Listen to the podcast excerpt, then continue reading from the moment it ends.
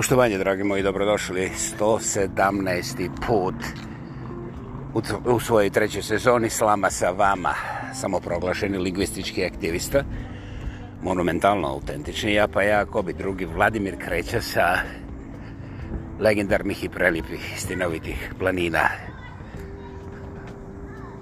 Večerne miriše na rakove i školjke. Um, znate, kako god okreneš,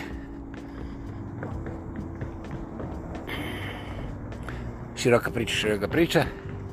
Na kraju se to može, jer kraja nema, znate, i to je absurd.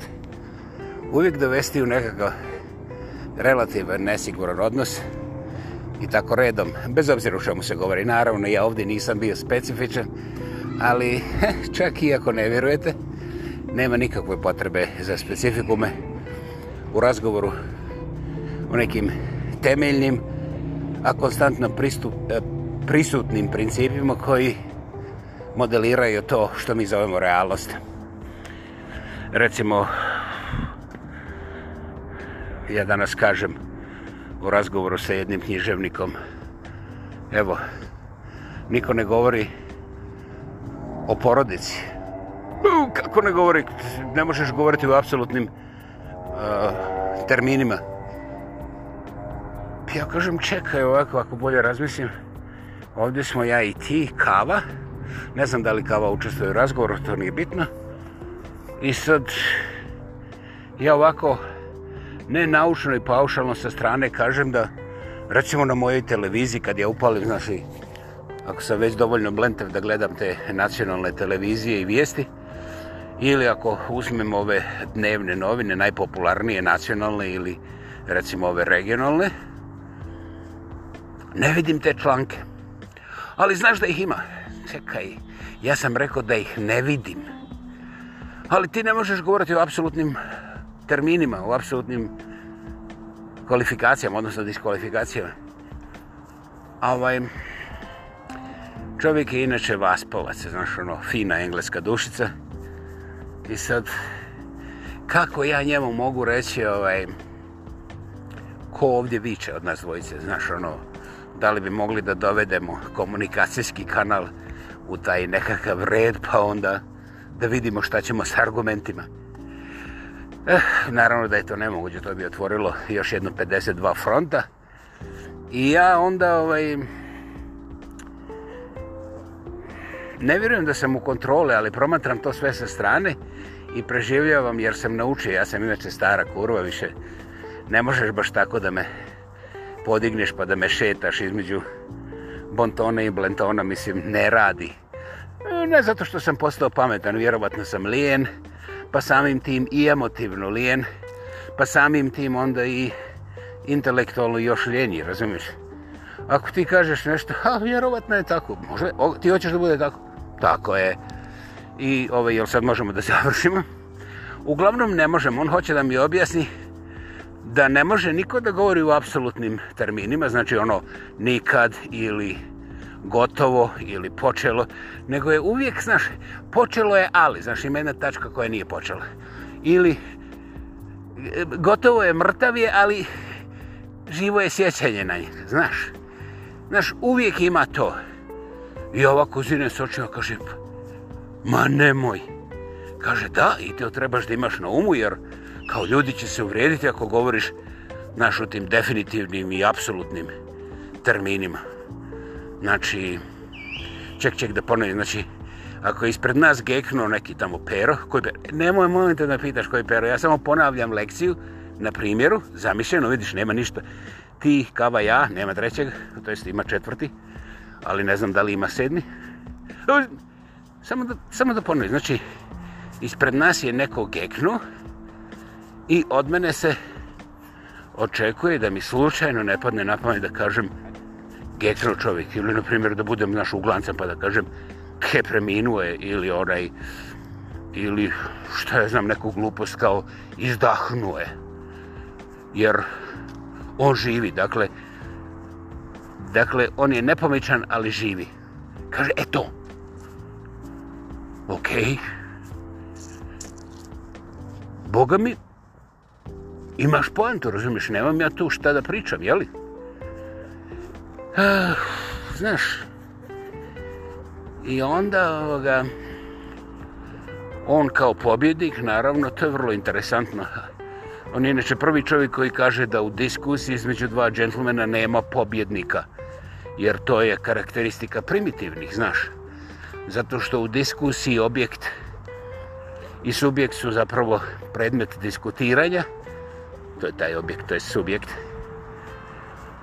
O tome ćemo pričati nekom drugom prilikom posebno, ali znači taj objekt je depersonaliziran da bi mi mogli objektivno da na najkvalitetniji način dajemo svoje mišljenje, sudove, stavove i izmjenjujemo znanja jer to je jedna od svetih tekovina civilizacije jebeš ga. Ovdje nema Staljina u potpisu ove tvrdnje, ali meni miriši Staljin tu, znaš, sa svim tim okvirima društveno prihvatljivoga i na koji način, znaš, i sa kakvim pogledom na dušmane, na bušmane, na relacije, korelacije i ostale ovaj, zembagazacije. I gledam, promatram sebe i pitam sebe, znaš, koliko puta sam u životu bježao na najrazličitije načine do ovakvih iskustava. Ovaj, naravno uništavajući sebe.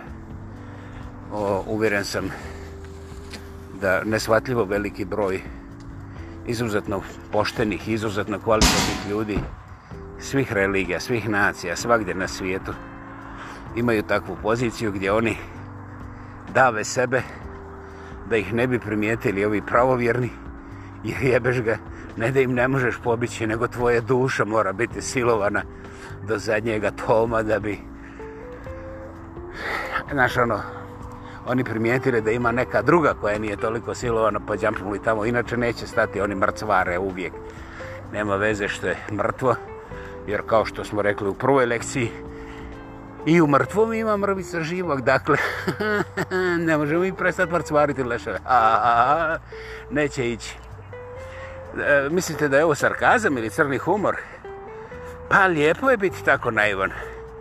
Ali ako sebi dozvolite da pogledate svoje ogledalo i stvarnost oko sebe, onda ćete primijetiti da mrcvaranje tek počinje. Znate, Himmler i ekipa, posebno doktor Mengele, oni su amateri kontra recimo obične pandemije, znaš, ovi to samo povuku, jedan gubić, dva gubić, klik, launch, boom, planetarni zakon. Dakle, draga moja gospodo, ovo je demokracija i sloboda, a ne tamo nekakav mambo džamba, razumiješ ti mene, sa pravima i civilizacijama, nećemo tako, hehehehe.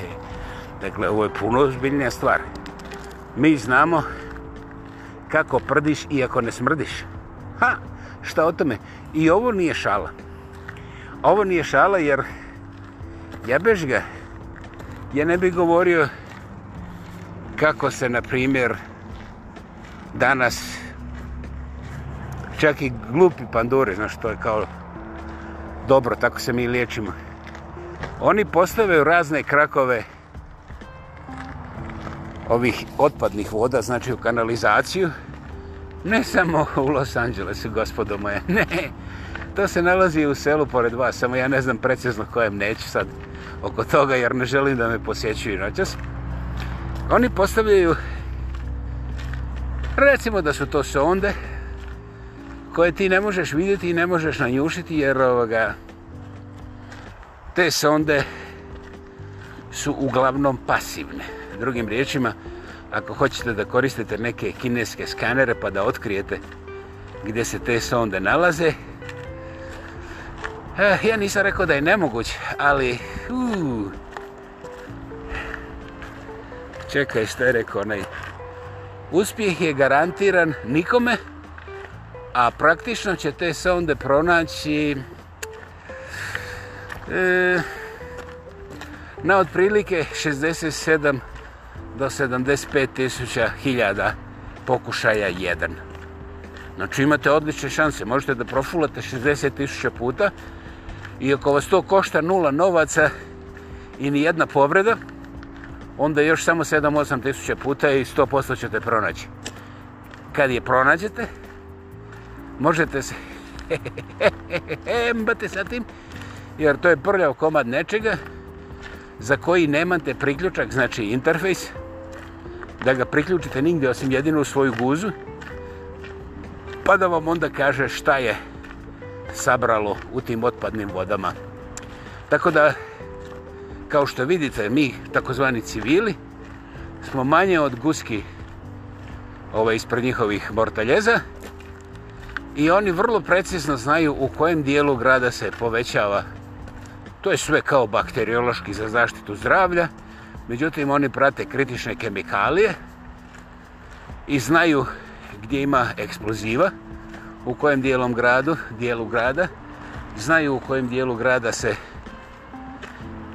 intenzivno proizvodi, recimo, droga ili eksplozivni materijali. Ja govorim o ilegalnim, ne o legalnim i registriranim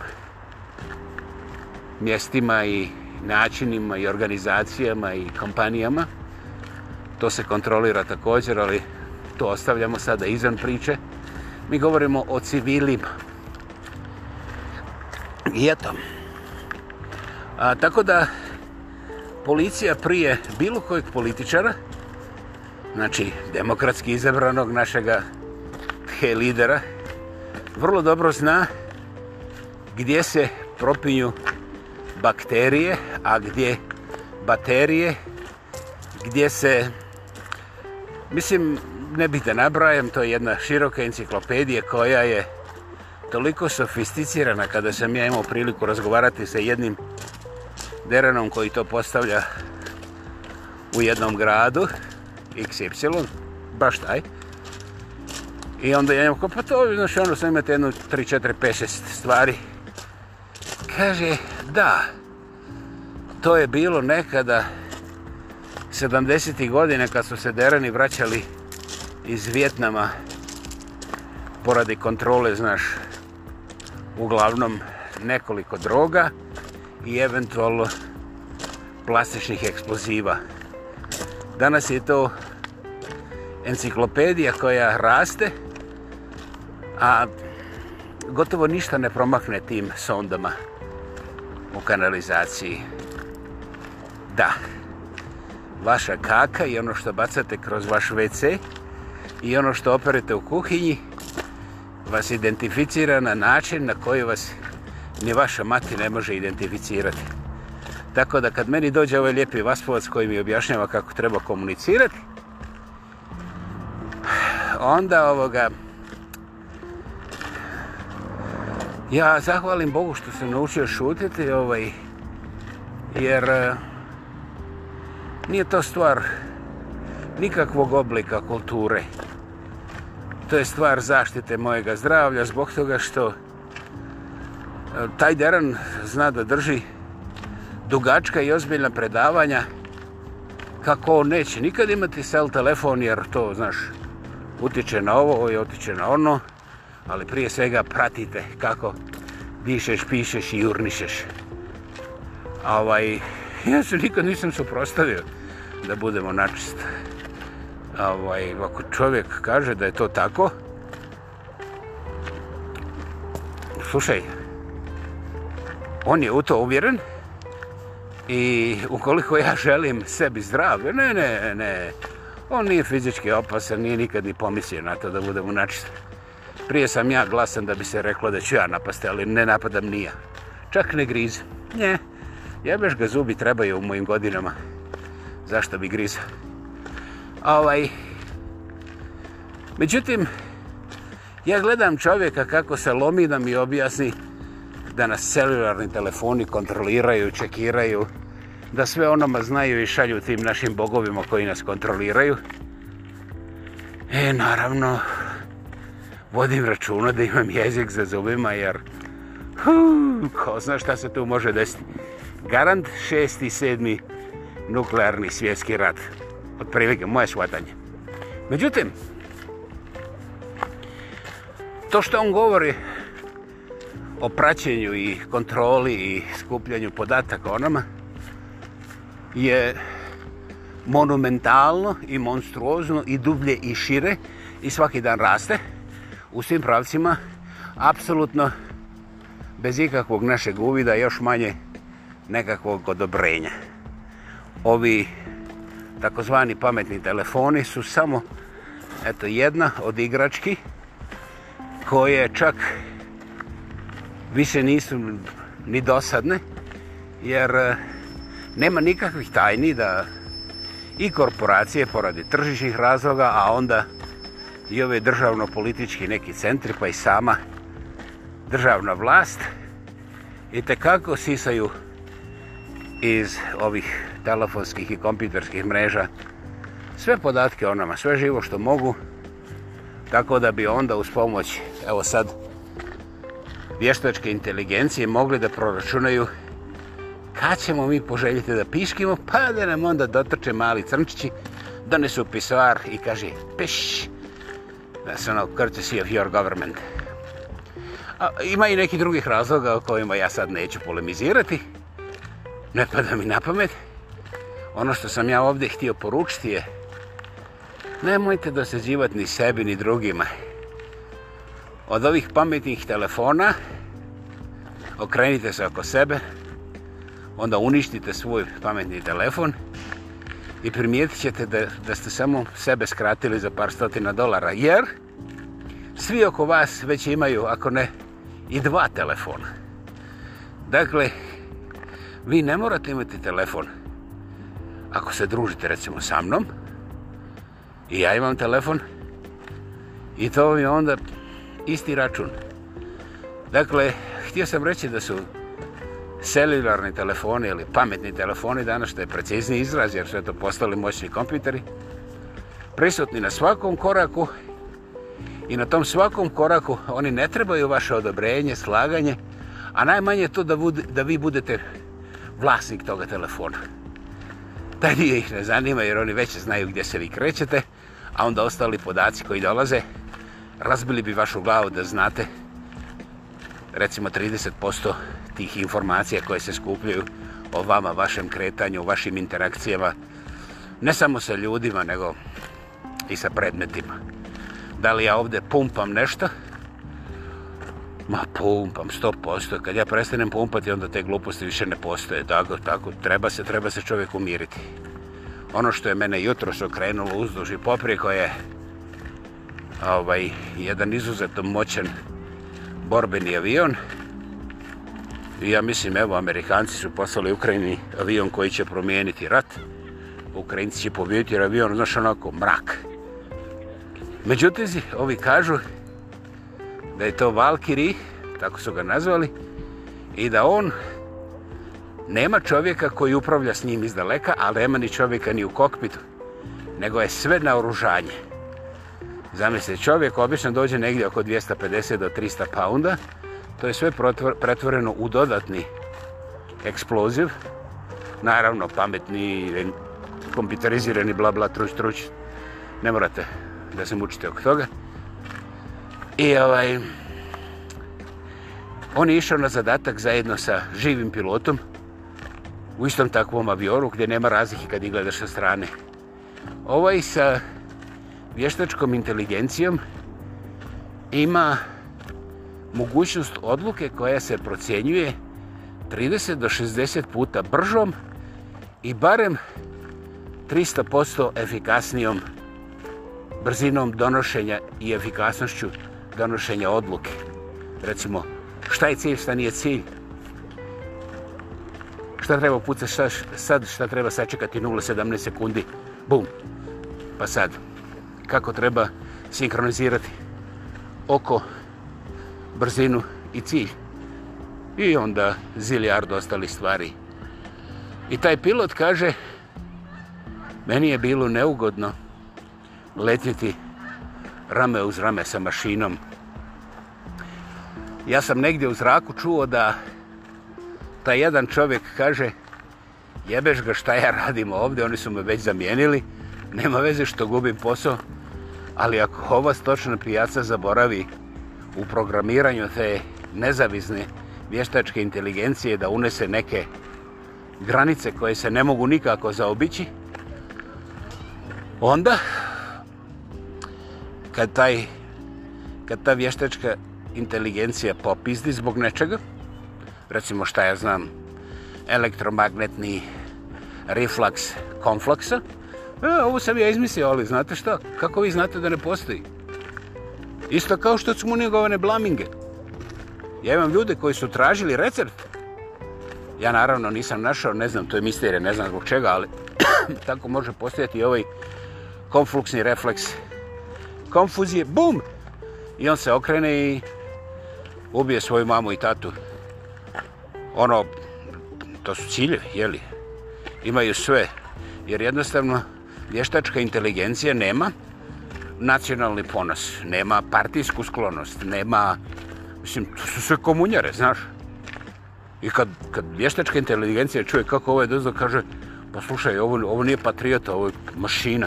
I onda vještačka inteligencija koja se umeđu, umeđu vremenu razvila, kaže, vi nas šaljete da mi ubijamo gladne i opječkane, a vi pljuckate po nama kao o nekim socijalno komunistima i marksistima lijevo desno gdje mi ne razlikujemo naciju, religiju, patriotizam i sve te stvari.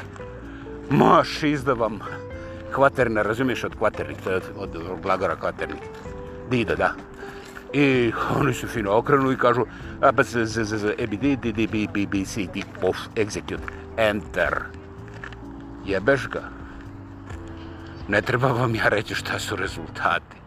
Ne smije mi se, ovo je zastrašujuće jer i moja sprava sa tim vještačkim pametnjakovićem može na isti način da se pokvari pa da se okrene na mene još gora ideja da se uopće nije pokvarila, nego da i od početka smislila takvo nešto zato što mu se ja ne sviđam, jer sam mu dao struju sa ugljene termoelektrane, a ne sa sunčenog generatora, znaš?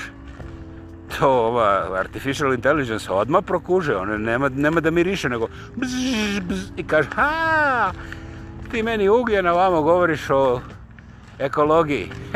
Sad ću te ja bez zice da dvaciš tu, enter, execute, boom. Ha? I onda ti dođeš i kažeš da kumiriš ono, e, ja ću tebe spržiti, pritisneš crveni dugmić da ga uništiš. A on kaže, nje, ocikao sam ove kablove prije nego što smo stigli jučer na položaj. Ali ti to ne možeš čuti jer si već spržen, jeli? Što je odlično, što je odlično. To je dokaz da je Bog milostiv. Bože, hvala ti. Ja još jednom šetam, mjesečina je puna iznad Kravograda. Avgust prolako prolazi, naša treća sezona, evo danas je koji, 28. Da, 28. na večer, sutra, preko sutra imam samo 2-3 dana da vidim da li ću dogurati do 120. epizode u trećoj sezoni.